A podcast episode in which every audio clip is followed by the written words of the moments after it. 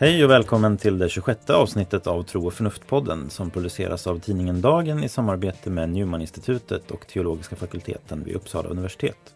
Jag heter Kristoffer Skogholt och med mig har jag Peter Berntsson och Erik Åkerlund. Idag kommer vi att samtala om Viktor Frankls bok Livet måste ha mening. Så varmt välkommen till programmet.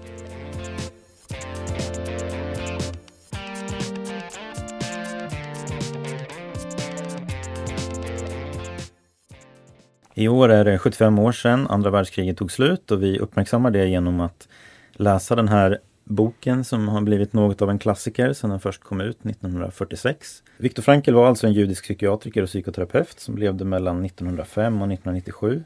Han föddes i Wien i Österrike och deporterades tillsammans med sin fru 1942 till Theresienstadt och överlevde fyra olika koncentrationsläger, däribland Auschwitz, innan kriget tog slut 1945.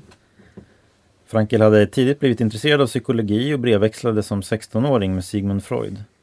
Och redan före sin tid i koncentrationsläger hade Frankel börjat utforma sin egen psykologiska teori som han alltså kallas för logoterapi efter det grekiska ordet logos som betyder mening. Tanken är med terapin att finna läkedom genom mening. Det centrala i Frankels människosyn och psykologiska terapi är att han menar att det mest fundamentala för människan är behovet av mening.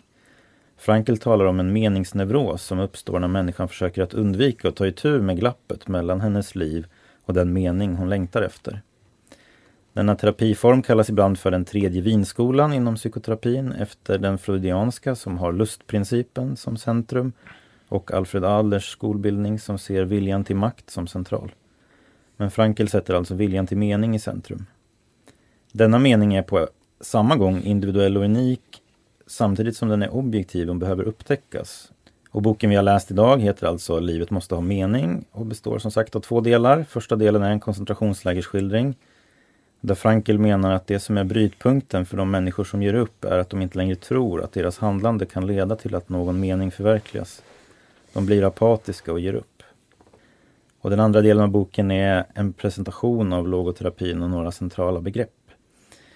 Och i vårt samtal så kommer vi att börja med den första delen då, koncentrationslägerskildringen och sen eh, eh, gå över till att diskutera logoterapin och Frankels existentiella psykologiska teori. Så hur uppfattade ni det? Hur var det att läsa den här boken? Det är alltid väldigt speciellt att läsa om koncentrationslägerserfarenheter och, och så som ju är sådana absurda tillstånd för människor, för människan. Man, man slås just av det, hur absurt det är och hur nästan svårt det är att tro på att det här kan finnas i, i den mänskliga historien och i, i den mänskliga erfarenheten. Mm.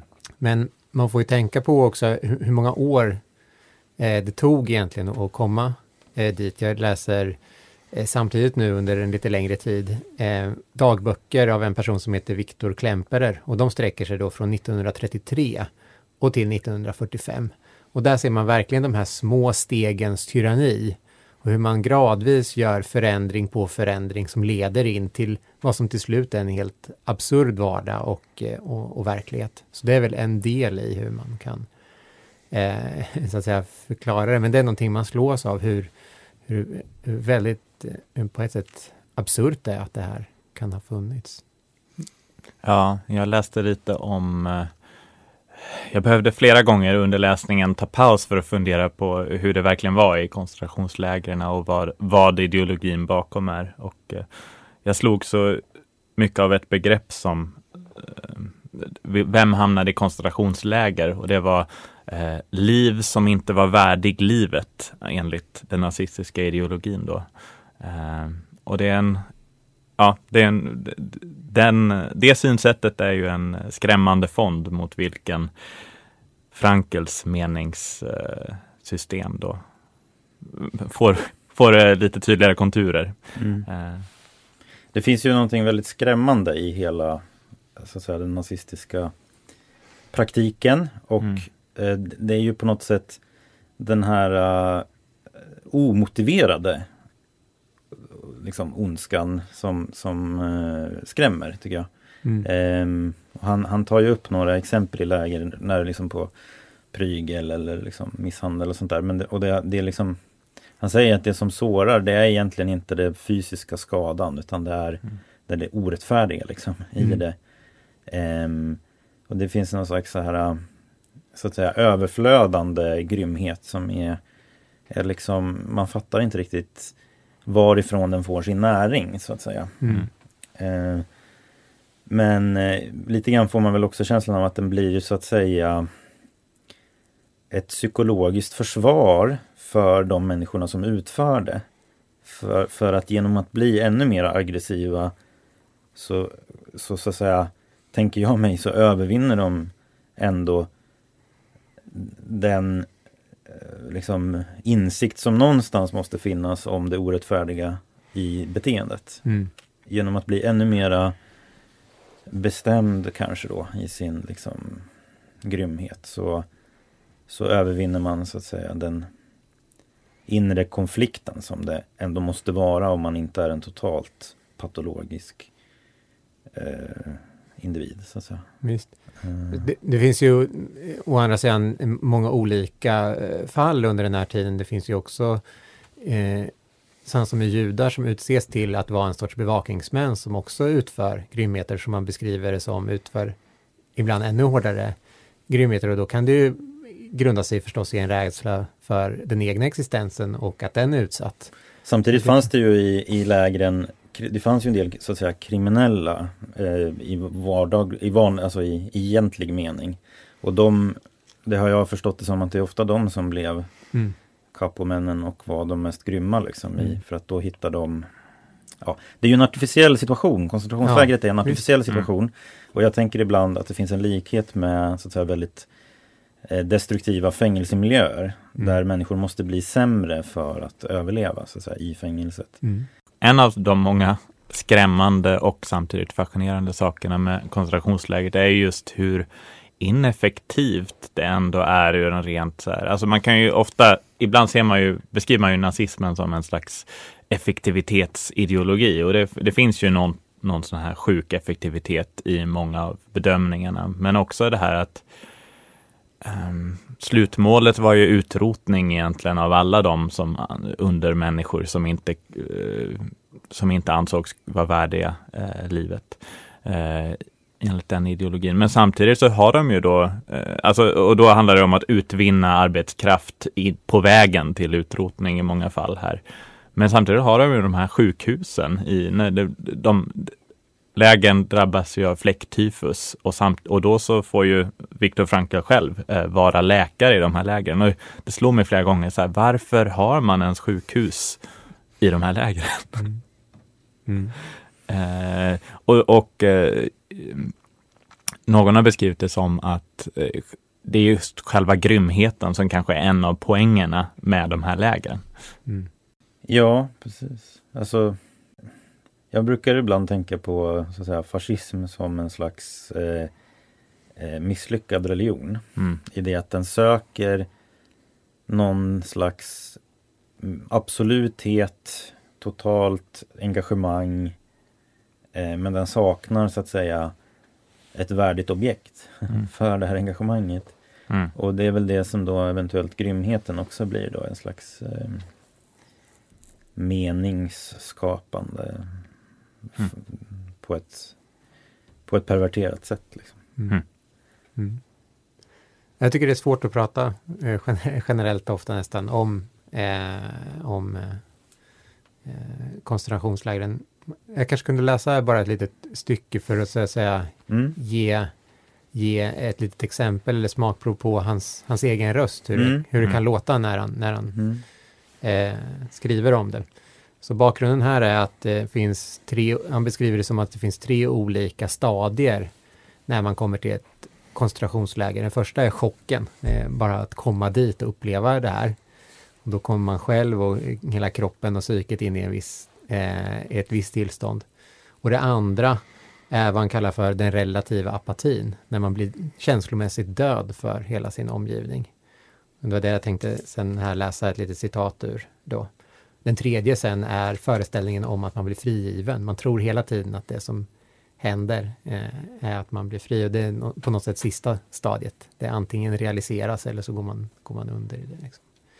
Men det här är alltså från det här i det här andra stadiet när man, han och man har kommit in i det. Då. Citat. Så fortskrider dödandet av de normala känsloreaktionerna. I början tittar fången bort när han exempelvis är kommenderad till appell för att bevittna straffexercis med någon grupp. Han kan ännu inte uthärda anblicken av kamrater som i timmar kommenderas ner i smörjan och upp igen och med prygel drivs till det snabba tempo som begärs av dem. Några dagar eller veckor senare är det annorlunda. Tidigt på morgonen, medan det ännu är mörkt, står han i sin arbetskolonn på en av lägergatorna framför lägerporten, klar till avmarsch. Då hör han ett skrik, tittar dit och ser hur en kamrat gång på gång kastas omkull, reses upp igen och knuffas omkull på nytt. Varför? För att han har feber, men inte fick den förrän på natten och inte i laga tid för att få temperaturen tagen på polikliniken och bli sjukanmäld. Nu straffas han för att han har vågat sig på det utsiktslösa försöket att bli sjukskriven på morgonen och slippa undan utearbetet. Men den fånge som bevittnar detta och nu redan är inne i den andra fasen av sina psykiska reaktioner tittar inte längre bort. Likgiltig och redan helt avtrubbad kan han lugnt se på. En kväll står han kanske själv, själv i trängseln på kliniken i hopp om att föras upp på listan skonas på grund av skador, hungerödem eller feber och i två dagar slippa marschera ut på arbete. Då bevittnar han lugnt hur man bär in en tolvårig pojke som har stått i timmar i snön under appellen och har arbetat ute hela dagen utan skor på fötterna eftersom det inte finns fler skor i, skor i lägret. Nu är hans tår sönderfrusna och läkaren plockar bort de svartnade tålederna med en pincett. Avsky, fasa, medlidande, upprördhet. Sådana reaktioner har vår åskådare inte längre förmåga att uppleva i detta ögonblick. Lidande, sjuka, döende, döda. Allt detta är efter några veckor i lägret en så vanlig syn att man inte blir upprörd längre. Slutcitat. Det är ett exempel på hur han skildrar den här fruktansvärda tillvaron men med sin, dessutom sin psykologiska skarpsyn som man, som man ser här, att kunna notera det som sker. Och det är det mm. förstås svårt att ens nästan relatera till eh, utanför. Och det kommer han ju tillbaks till senare också. Att det är många som inte berättar efteråt och säger ungefär så att eh, de som inte har varit där kan aldrig förstå och de som har varit där förstår utan att man behöver mm. säga någonting eller berätta. Han, han börjar ju hela sin beskrivning och säga att han just för att han det är som att han inte accepterar den förhållningssättet. Att mm. Jag tror att folk faktiskt kan förstå, är det som att han mm. säger. Eh, men då måste, då måste han ge den här långa skildringen och sen kunna mm. förklara då sin... Men precis, han säger ju i slutet där hur när folk efter frigivningen försöker att berätta om sina sina liksom, erfarenheter men att folk inte orkar ta in det egentligen. Mm. Um, och eh, när jag tänkte på det så eller när jag läste det så tänkte jag liksom att eh, så att säga, verkligheten har en moralisk dimension som de människorna inte förmedlar mm. i sin respons. Mm. Eh, och på ett sätt så är det så att säga en insikt om att moralen inte bara då härstammar från människorna. så att säga. Mm. Även om människorna då inte ger röst åt den. Så att mm. säga. Eh, och det måste ju vara en kränkning liksom. Att, att liksom vara med om det här men att inte omvärlden tar in det. Så att säga. Och det, det finns ju ett, ett, ett, citat från Simon Weil, han pratar om uppmärksamhet som en form av kärlek. Så att säga. Mm. Och att ge den uppmärksamheten åt andras lidande mm. är ju en form av kärlek då. Men det kostar en del. Mm. Ehm, det är också ett lidande att bli delaktig i den andres lidande. Därför blir det ju så att säga en, en andra kränkning när människor inte ens så att säga reagerar på det som eh, förintelsen har inneburit och sådär eller, eller alla typer av övergrepp egentligen. Ehm, men eh, i hans eh, koncentrationslägerskildring så finns ju den här ehm, hans liksom psykologiska filosofi eller existentiella filosofi finns ju närvarande där som en, en fond liksom. Men sen mm. utvecklar han den mer i andra delen. Och, um, och det som kännetecknar den här um, existentiella filosofin är ju att han menar att det mänskliga livet, livsformen för det mänskliga, det sant mänskliga så att säga är eller genuint mänskliga, det är att vara inriktad mot att realisera mening och värden. Eh, och logosterapin syftar på något sätt till att hjälpa människor att upptäcka vad deras uppgift är. Mm. Som på något sätt är individuell och unik och har att göra med deras livssituation och personlighet och personliga historia. Men samtidigt har en objektiv existens. Och han säger väldigt intressant att det, så, det går inte att förklara så att säga, den här uppfordrande karaktären i människors upplevelse av att de har en uppgift. Mm. Utan att tänka att den på något sätt är objektiv. Vi, både du och jag, Kristoffer, var ju övertygade när vi skulle läsa den här boken att titeln var Livet måste ha en mening. Mm. Eh, men det visar ju sig då att eh, både på svenska och engelska så är det eh, mening, mm. inte en mening. och Nej, jag, tänk, jag tänker att det fångar någonting, att vi så lätt um, han tar upp det på slutet också, att många frågar då, vad är meningen med ja, livet? Just uh, Eh, och att han då alltid landar i det här, ja, det finns, det finns mening i ditt liv, eh, men jag kan inte säga till dig vad en singulär mening eh, det går i alla fall inte att fånga på det sättet som en, som en abstrakt princip. Och jag tänker att det kanske är en del av hans kritik, att någonstans när vi försöker hitta en specifik mening med allt mänskligt liv, alla människors liv, så blir det ganska lätt att det går över till något tyranniskt som eh, Alltså, det, är, det är väl också kontrasten mellan en abstrakt mening och en konkret ja. mening. Så att säga. Han, han pratar hela tiden om att, att mening är någonting som gestaltas i livet.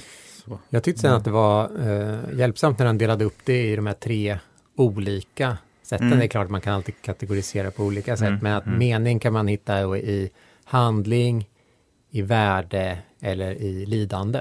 Mm. Och han säger att det med handling är självklart, jag tar det som att han tänker sig att ja, men jag har ett meningsfullt värv eller jag känner mig kallad till att eh, mm. hålla på med politik eller undervisa mm. eller göra någonting. Så att mm. Mm. Och när det gäller värde då tar han upp kärlek som ett centralt mm. värde och att finna mening i och genom det, kärlek till. Och sanning också. Och, och sanning, ja visst. Men kärlek, så, jag tror att han uttrycker det som att det är det mest grundläggande värdet av att mm. lära känna en annan person. Mm. Och, sådär. Just mm. och sen, mm. eh, om jag bara mm. får ta det här, för jag mm. tyckte det var ett sånt bra eh, exempel med, eh, som ett exempel på hur han tänker sig det. Det här med lidande. Hur hittar man liksom mening i lidande? Och ett exempel han tar där är eh, en äldre eh, man vars fru har gått bort för två år sedan. Och han lider fruktansvärt av förlusten av henne och kan så att säga inte försonas med det. Eh, och det han, när Frankel säger till den här mannen är då att, ja men tänk på eh, vad som hade hänt om det var tvärtom. Att du hade gått bort före henne. Då är det ju hon som skulle ha fått genomgå samma lidande. Det vill säga, ditt lidande blir meningsfullt på det sättet att du på, på ett sätt genom det av, avlastar henne.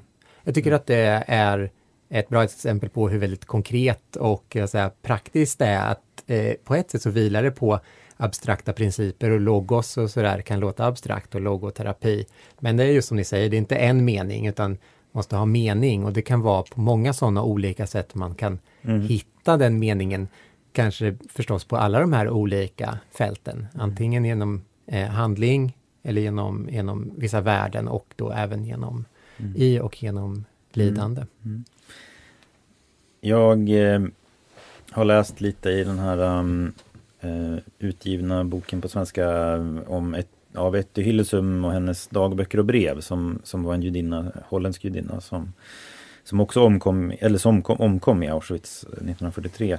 Men, uh, men hon beskriver där, hon är sådär 25, 26, 27 någonting, när hon skriver de här dagböckerna. Och hon beskriver liksom en upptäckt av sitt inre liv kan man säga. Som, som, eh, som havandes ett mycket större djup än vad hon var medveten om. Eller man ska säga. Mm.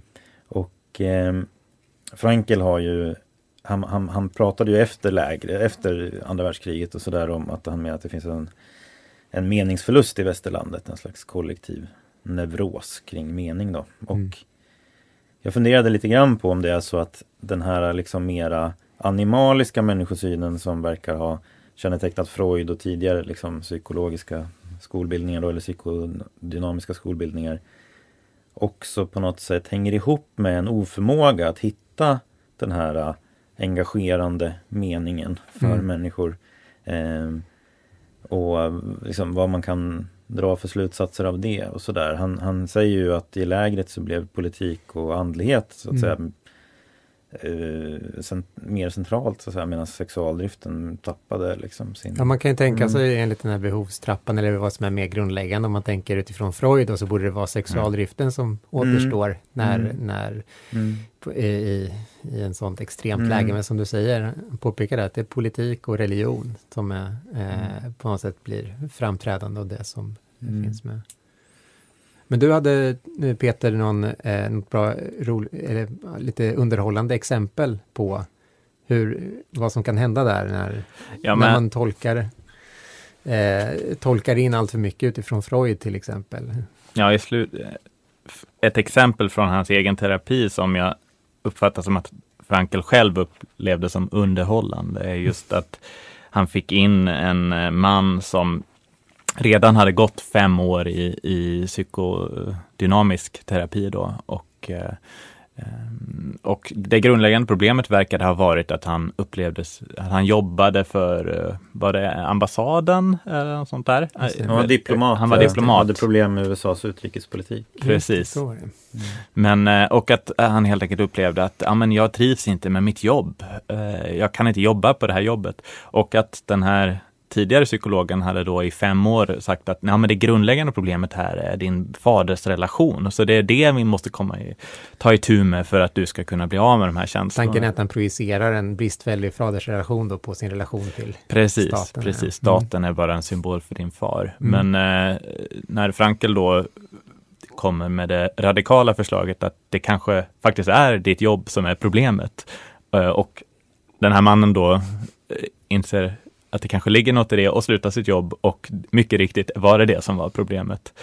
Eh, det, det, säger ju någonting om hur absurt det kan bli när vi hela tiden reducerar meningsfrågor till, eh, till frågor om drifter eller ja, i det här fallet, vad ska vi familjerelationerna i tidig ålder och sånt där. Alltså mm. det blir något, ja, det, det är väldigt absurt. En fundering jag har är ju liksom i vilken mån eh, man kan använda de här eh, liksom tankarna lite mer konkret i vardagen. Mm. Um, jag fick en aha-upplevelse för egen del och sådär men uh, har ni någon liksom Tänker ni att man kan använda hans perspektiv och, och sådär för att liksom konkret hjälpa människor att upptäcka och bli mer engagerade för mening och meningsfulla Tycker han sätter ord ibland på, eh, på vissa saker som man eh, känner till, till exempel det här med att man inte kan bli lycklig genom att söka lyckan, utan sök någonting eh, som sen, ja, som där så att säga lyckan kommer ut. Så det, mm. Han har eh, begreppet paradoxal intention mm. i, eh, i eh, mm. anslutning till det. Va? Du kan inte bli lycklig genom att ha själva lyckan som intention, utan du måste hitta mm. någon form av mening mm. i, i, livet eller någonting meningsfullt i det. Och så mm. kommer ly, eh, lycka som en sorts mm. Men då kan man ju tänka, vad, vad blir liksom effekten av det då om ett samhälle säger att det viktiga är inte vad du gör utan det viktiga är att du blir lycklig? Ja men det är väl det han säger att man inte ska Exakt, det är det som är min fråga här. Om ja. vad, vad vad det säger så att säga, och vad det, vad, hur, det, hur det påverkar förutsättningarna för att bli lycklig. Ja, just det. Eh, mm. Om man säger åt en kultur som säger åt folk att söka lyckan. Visst, och det är väl hans poäng, en av hans mm. poänger, att det är ett problem att, att Ja, det är inte en kritik mot Frankel alltså? Utan nej, nej, precis, ja. utan det är en, en, kritik som Frankel har gentemot ja, men exakt. Och, ett sådant samhälle mm. som allt för mycket betonar. Snarare handlar det då om att människor måste få uppleva att de har en uppgift och ett ansvar. Då. Mm. Men det är ju också fascinerande för att det finns ju liksom den här aristoteliska och, och tomistiska traditionen eh, tanken om att människan söker, lyckan är det enda som är i och för sig liksom eh, eh, intrinsikalt. Eh, men sen så är det ju beroende på att vi är Gud är ju lyckan liksom för, men vi kanske, det blir också intressant. Är det ett felaktigt sätt att söka Gud då för att man vill bli lycklig eller? Det är väl det, det, det, det paradoxala, ja, eh, just det paradoxala eh, Ja. ligger i. ja. Att du, du ska ju vara riktad mot den andre. det finns ju en, en eh, amerikansk teolog som jag tror du Peter säkert känner till som är reformert, alltså John Piper. Eller han, Mm. heter. han kallar sig väl för en kristen hedonist. Mm. Precis, Desiring God heter Ja. hans ministry. Ja, just det. Mm. Och ehm, alltså å ena sidan så är jag liksom all for den här, den här uppfattningen att det är i Gud som människan hittar sin lycka. Men det är ju intressant att fråga sig om det är så att vi inte kan bli lyckliga genom att söka lyckan. Mm. men, Mm. men eh, ja. Lyckan är ju en sak och Gud är en annan. Ja, eller? Mm. Mm. Ja, men alltså Gud är ju mycket mer än den känsloupplevelsen. Eh, Ja. Så att om man, att söka Gud är ju att söka alltet. Eh, på Det är att söka sätt. det sanna och det goda så att säga. Exakt, Ja. och det innefattar ju då den här meningen som att söka Gud är ju att söka, är ju också att söka korset till och med. Alltså för det, det, det är ju en eh, sak som Frankel tar upp flera gånger, att, att vi, att söka meningen med livet är också att söka att vi, då måste vi också konfrontera meningen med lidandet och meningen med döden. Eh, Mm. Pratar om att det handlar om meningen med livet, inte bara eh, även inklusive döden, eh, som hela min, mitt liv, Jo. eh, hela min Jo, existens. alltså man kan ju Alltså jag tänkte faktiskt när jag läste det här att På ett sätt så kändes det väldigt katolskt i den meningen att han har Han har en viss så att säga spiritualitet kring Mm. lidande som Som eh, är mer vanlig i katolska sammanhang Och jag tänker att det är nog nästan bara liksom en judisk överlevare från Auschwitz som så att säga har rätt då, eller vad man ska säga, att, eller, eller har, har rätt att säga på det här sättet. Om, i alla fall om erfarenheterna i Auschwitz. Liksom. Mm. Mm. Det, är, det, är som, det är ingen annan riktigt som, det kräver en viss eh, eh, Jag tror att det hade varit svårt i alla fall för, för någon annan att komma undan med det så att säga. Mm. Men det är ju väldigt intressant för att det, en sak som jag tänkte på när jag läste det, det är ju att offer, vi använder ju ibland ordet offer, då är det någon som blir passivt utsatt för någonting annat, någon annans. Men han använder ju, och det är ju så man gör i den här den, den spiritualiteten, så att säga, offer är en aktiv handling Visst. hos den som lider egentligen. Mm. Och då blir man, då man får en slags subjektivitet i, i lidandet då. Visst.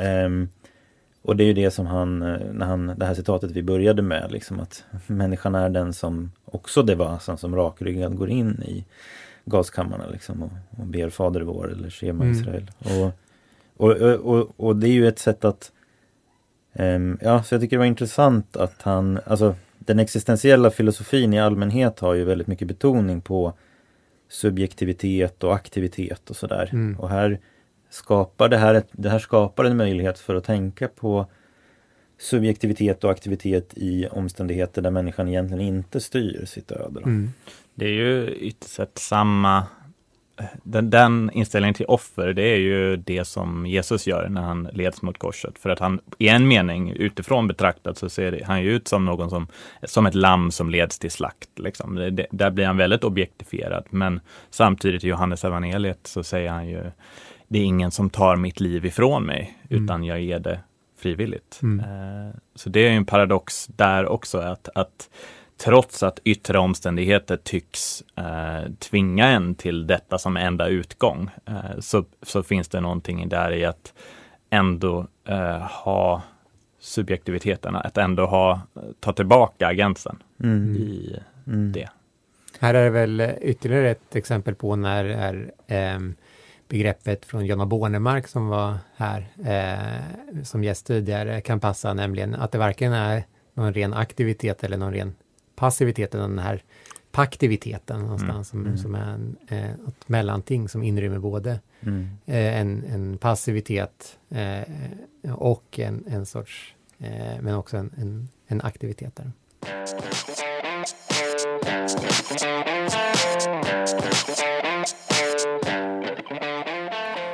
Det här relaterar ju ganska starkt till eh, Etty Hillesums livsöde och sådär. Och i, i en bok som heter Etty Hillesum, liv, tankar, tolkning av Dominik Terstrep så skriver Dominik eh, så här.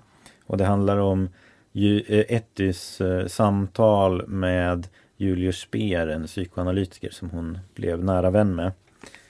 Så Dominik skriver så här. Lidandets problem är en tredje fråga som redan från början är med i samtalen mellan Julius och Etty. En av hans grundtankar blir avgörande för henne. Att acceptera det man inte kan förändra. Spir anser lidandet vara en passiv aktivitet till skillnad från en aktiv passivitet. Den sistnämnda är ett uppror mot det man inte kan förändra. Den yttrar sig som missnöje och argsinthet och lamslår människan.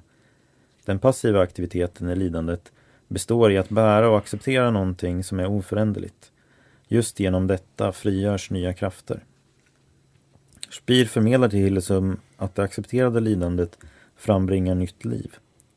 Um, och det är ju det som blir så att säga agensen kan man väl säga i koncentrationslägret på något sätt. Att mm. um, bära då det här lidandet med någon form av inre frihet och värdighet och sådär.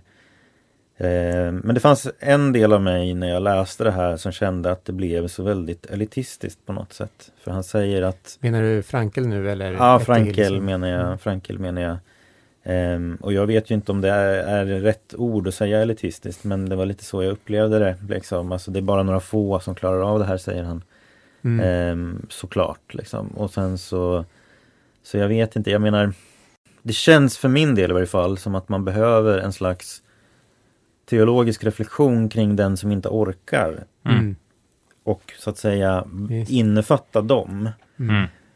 Um, och ropet min Gud, min Gud, varför har du övergivit mig? Så att säga, som också är Jesu rop liksom. Mm. Det är inte bara jag, i Fader i dina händer överlämnar jag min ande så att säga. Utan mm. det är ju också ångestropet. Och, och jag tror att man behöver någon slags teologisk reflektion som inte bara är till för dem som och klarar av den här heroiska hållningen då, helt enkelt. Mm. Um, men uh, ja.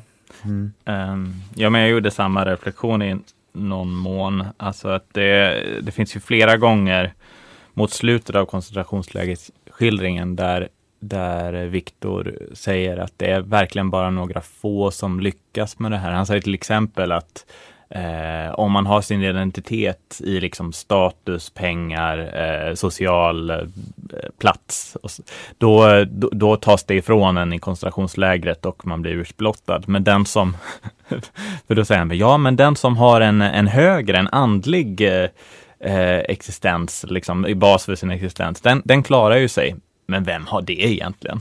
Eh, jag tyckte det var ganska det var en ganska lamslående, eh, mm. lite, lite nästan mm. pessimistisk eh, beskrivning. Så att det, det, är nästan som att han utesluter sig själv ibland från den där. Jag vet inte om han är en del av den där eliten eller inte. Eh, jag som, tolkar som det nog det. så, men att han också inte talar om sig själv på det sättet mm. riktigt. Men eh, han, han, det han berättar om vilken roll han ibland har haft så att säga som tyder ju på att han har varit men, men man kanske kan säga så här då, om, om det liksom blir för heroiskt att tänka att man ska liksom um, bära allting med den här uh, värdigheten eller så, så finns det ju samtidigt kanske så att alla människor har så att säga valmöjligheter i, i små situationer. Mm. mm. Och det är det man liksom kan, om man gör det man kan, så att säga, mm. så skapar man en värdighet kring sin existens. Och, och det är också så det kanske kan växa liksom också, att man gör det i det lilla då så att säga. Ja, för jag tycker att det blir mer sympatiskt när man läser det som en slags motreaktion mot en väldigt eh, determinerad syn på människan. För han beskriver ju den här apatin som drabbar så många i koncentrationslägret. Och även om man någonstans förstår att det är väldigt lätt att hamna där, så, så är det ju som att han vill lyfta upp de här heroiska exemplen. Alltså, det är ju inte nödvändigtvis stora. Ett exempel på en heroisk person som han lyfter fram är ju den här flickan som vet att hon snart ska dö och som säger berättar för honom, ser du det där trädet här utanför? Det är min närmaste vän. Och så frågar han, ah, vad, vad säger det här trädet till dig? Eh, eh, ja, men det säger, jag är livet, jag är livets träd. Eh, det är en väldigt, eh, det är en väldigt Jag fin är här. Jag är här. Ja, Säger den först. jag säger är här, jag är. Precis. Och, och, och hon beskriver också hur hon upplever att hon har nått, allting har blivit på riktigt i det andliga livet på ett sätt som det inte var i hennes eh, små borgerliga liv förut. Eh, eh, alltså, så det är ju inte, Mm. ett, det är inte en sån här eh, jätteheroisk Maximilian Kolbe berättelse, men den beskriver ändå på något sätt ett sätt en, en människa har lyckats hitta eh, en, eh, en väg ut på något sätt. Mm. Eh, Och jag, jag upplever det mer som en hoppbeskrivning. Man kan läsa det som just det, det finns ett hopp att man kan höjas, höjas över det här på ett eller annat sätt. Och bara det att det går tänder ett hopp för, även för den som inte kanske orkar hela vägen. Nej, just det. Nej, och det, precis. Det finns ju det här uttrycket ställföreträdande hopp ibland. Alltså att det ger hopp att se någon annan hoppas även om man inte själv Mm. kan, kan hoppas så att säga. Mm. Ehm,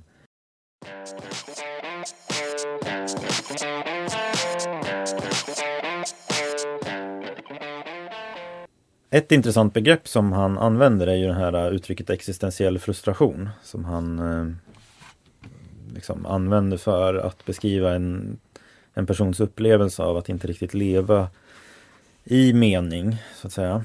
Och om man tänker sig att det är inte jätteovanligt att människor går till ett jobb som de kanske inte är personligt engagerade i men det är ett sätt att liksom försörja sig och sen kommer man hem och man har en fritid som kanske inte heller är, är det någonting som engagerar en och utmanar en eller så. Och det är, livet blir så att säga det som pågår medan man är upptagen med att göra andra planer eller vad John Lennon sa. Mm. Och så, så funderar jag lite på hur skulle liksom Frankels perspektiv kunna konkret hjälpa en person att komma, li komma lite mer i kontakt med eh, sin meningsdrift och, och sådär och mening, sin mening. Jag tycker det är väldigt svårt att ställa, ställa det som en generell fråga eftersom det just går ner till väldigt individuella eh, spår. Men, men någonting som jag ju tycker att man i den situationen kan dra lärdom av är eh, ta den frustrationen på allvar. Eh, Mm. alltså om du upplever det på det sättet så är det någonting verkligt. Det, det kan inte förklaras eller bortförklaras med någonting annat utan redan det är ju uttryck för det Frankel pratar om och, och är egentligen eh, så ett argument för hans syn. Jag tänkte på det också när, när ni tidigare pratade om det här att det, det riskerar att bli elitistiskt någonstans. Eh, och han har något ställe där han pratar om olika betydelser av ordet existentiell. Och en betydelse är då eh, att uppleva mening. Och det är ju ganska centralt. Eh, och det är det som man strävar efter. Men också viljan till mening är existentiell. Och det är väl den som kommer till uttryck då när, när det inte lyckas eller när man inte når fram. Och huruvida en enskild person faktiskt lyckas uppnå det här med mening och i vilken mån man lyckas i, i sitt liv. Det är ju beroende av ja, biografi. Vissa gör det, andra gör det inte. Men det som förenar alla i alla fall är den här viljan till mening, Mm. riktningen mot det. Och den kan ju visa sig i den här frustrationen då som, är, Ja. som man menar är väldigt existentiella frustrationen som är väldigt utbredd i Ja. vårt samhälle enligt honom. Precis.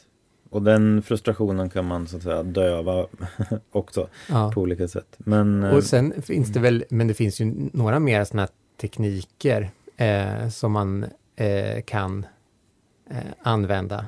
Eh, då att, att tänk, det, han pratar om det som framtidsinriktad. Att Mm. tänka på sig själv nu från Ja, framtiden, det. från min dödsbädd eller mm, från eh, Mm. äldre och titta Mm. tillbaks. Han pratar till och med om det, nu minns jag inte den exakta formuleringen, men han har ett, som man kallar då ett kategoriskt imperativ mm, eh, om att eh, eh, lev ditt liv som om du levde det för andra gången och som om du precis är på väg att göra misstagen du gjorde första gången du levde Mm. livet. just det. Alltså en sorts sån här, det är nästan som en bi- biografisk eh, eh, teknik att se sig själv lite grann utifrån, alltså det vill säga utifrån här och nu, eller se på mig själv nu som om jag var mig själv mycket senare. Sådär. Det är ju inte, alltså det är en väldigt kristen tanke på liksom omvändelsen Mm. och på den andra födelsen. Så att Visst. säga. Jag, jag har ju ofta den utmaningen eh, pedagogiska utmaningar att förklara barndop till exempel. Att det är liksom, aha okej, okay, men du, du, har en, du är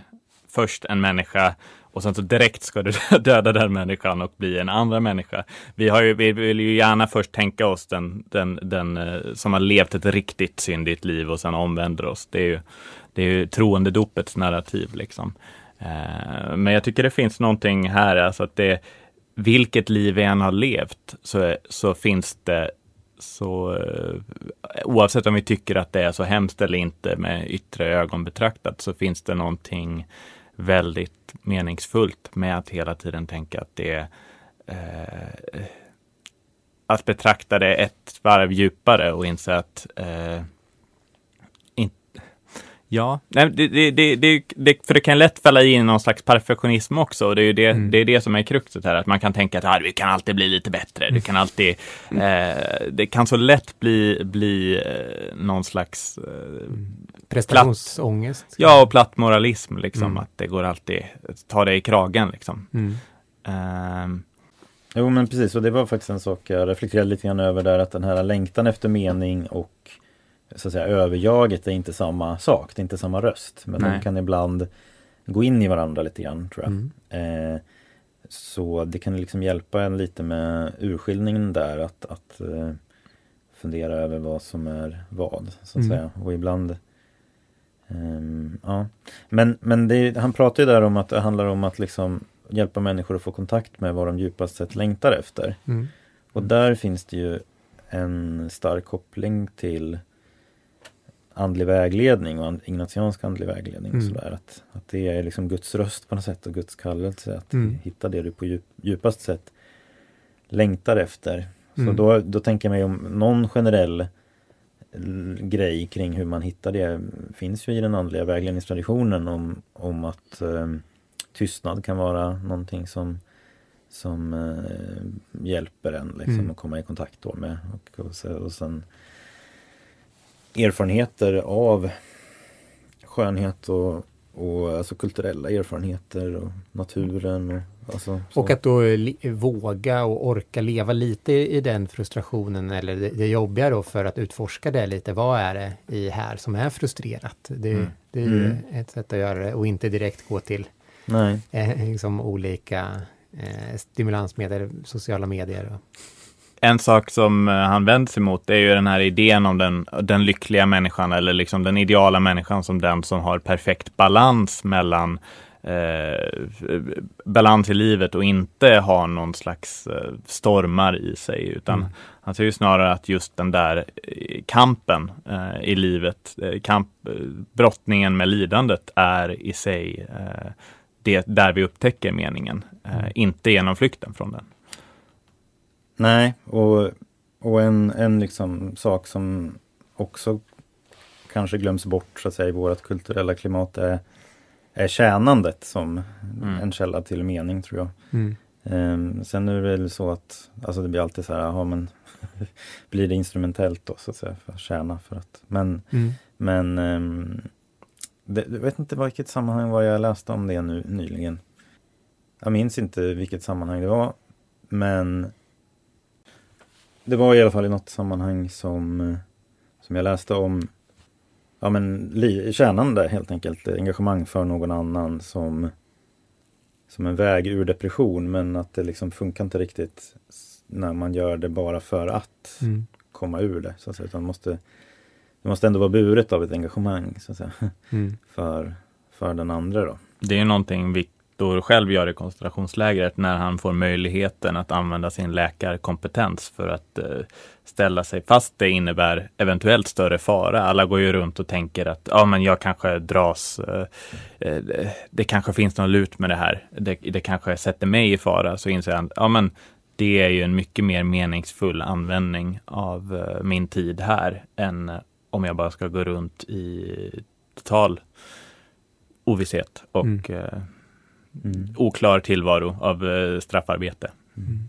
Som kanske inte är jättemeningsfull det, det är ju en, en paradox i det hela handlar ju om att jag vet inte om det är i den här boken eller om, om ni får påminna mig om det var i den här boken, men han, när han pratar om att, vi, att människan är så att säga en, ett speciellt djur då, eftersom mm. att vi hur vi ska leva är inte helt givet av vår natur. Utan vi måste så att säga komma på det själva. Mm. Men vi har, nu har vi också tappat liksom de stödjande traditionerna ganska mycket. Mm. Ehm, och det skapar, skapar ju liksom en existentiell stress också Mm. hos människor. För att man måste liksom ehm, förverkliga sig själv helt enkelt. Mm. på Och att det blir en väldig så här, börda på ett sätt då. Men samtidigt som det jag menar är här att för, den mänskliga formen av självförverkligande då kräver ju å ena sidan friheten. Men samtidigt så kanske den inte underlättas av en jättestark individualism. Mm. På e- å ena sidan så kräver den en form av individualism. Mm. Men å andra sidan så, så behöver den någonting mer än det. Liksom. Mm. Mm. Men jag tänkte på det, för till exempel det här med att han säger då, livet måste ha mening och du själv upptäcker den meningen, så att säga. Eh, det, han har ju den här distinktionen, han säger inte du själv skapar den meningen, utan du upptäcker meningen i ditt liv. Eh, och det i sig tycker jag är en intressant distinktion. Sen är det ju också det här med, det är ju väldigt lätt att, att eh, om jag skulle säga till någon att mitt råd till dig är att du, du måste hitta din egen mening. Eh, det låter ofta mer som det är skapa meningen. Bara, bara känn efter och, och sen så Alltså att det inte heller går att kritisera den meningen. Det går inte för en vän då att se förbi, se, se på vad den här personen gör med sitt liv. För så länge den personen kanske säger att eh, men jag upplever, jag har hittat mig själv i det här. Eh, då går det inte att kritisera. Alltså det är ju, eh, frågan är då, går det att se om en medmänniska har hittat sin mening eller inte så att säga? Finns det mönster med vilket vi kan upptäcka eh, att en människa lever med mening eller inte? Mm. Vad säger ni? Ja, alltså jag, jag tänker ganska ofta på vad heter det, Charles Taylor, den kanadensiska samhällsfilosofen som har en, skrivit en bok som heter The Ethics of Authenticity. Mm. Och han har ett ganska bra en bra resonemang där kring att om, om det liksom ska vara ett ideal att välja sitt liv medvetet och reflekterat Mm. så kan det jag väljer mellan inte vara helt likvärdigt. Mm. Så alla sätt att leva är inte lika bra för då är det inte så viktigt att jag väljer hur jag ska leva Mm. medvetet och reflekterat. Då. Så han säger att man kan liksom inte säga att jag har jag har förverkligat mig själv för jag valde stekt potatis istället Mm. för eh, pommes frites. Typ, så här. Alltså, utan det kräver, det kräver en horisont. Och den tänker jag att vi har en intuitiv relation till.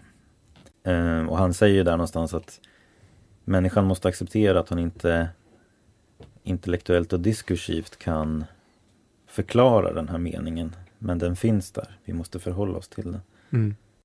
Jag tror, där måste man ju tänka på också att eh, man får inte tänka på det för statiskt som att man har nu har jag upptäckt meningen. Mm. Eh, och nu var jag klar. Jag är 27 eller hur gammal man nu är. Liksom. Utan det, Mm. det tillhör ju till, precis som tolkningen eller utläggningen av en text. Om man bara ska ta den parallellen så kommer man tillbaks till den om och om igen och det blir djupare och djupare. Och så, så tror jag att Frankel också tänker sig med, med eh, den här typen av mening. Att det finns egentligen inget, eh, inget slut. Valv på valv öppnar sig hos människan. Liksom.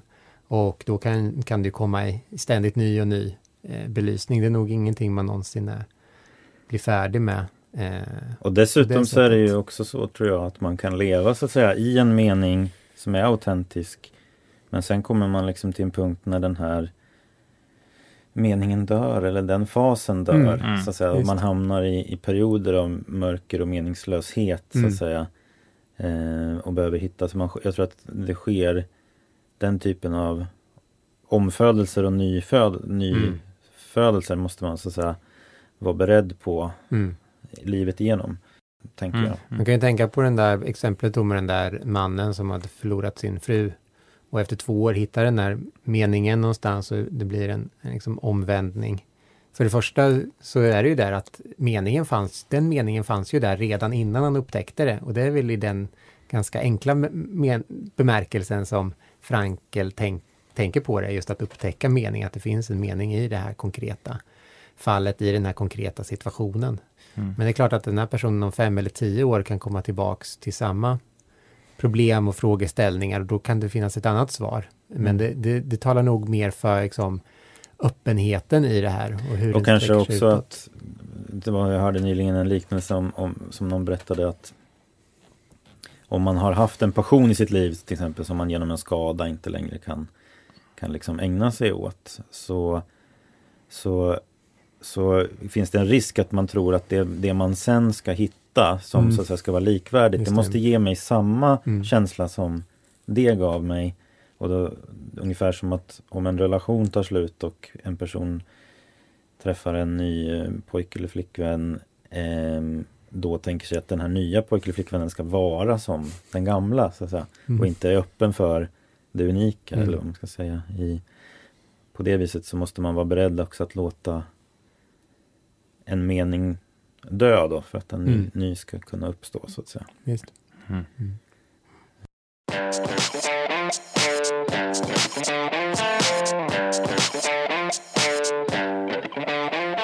En eh, tankefigur som han har i boken som jag tycker är intressant, eh, som vi kan ju avrunda kanske med, är det här att han säger alltså frågan om livets mening bör man så säga, istället vända på. Det är alltså snarare livet som frågar dig om din mening och du svarar på livets utmaning och fråga liksom, genom att eh, gestalta det då och Mm. utf- utforma livet meningsfullt. Mm. Ehm, Det är väl ett sätt att, också säga det här med att man inte sk- skapar sin egen mening då, utan man, man, man hittar det, man blir tilltalad och ger ett, ett svar där. man får ju ihop det subjektiva och det objektiva på något Ja. sätt i, i meningen. Ja, Jag Mm. tänker att det är någonstans är Gud som frågar oss vad, vad ska du göra av det här livet du har fått? Ja, just det. Mm. Det, det, det är mitt perspektiv på det. Att det,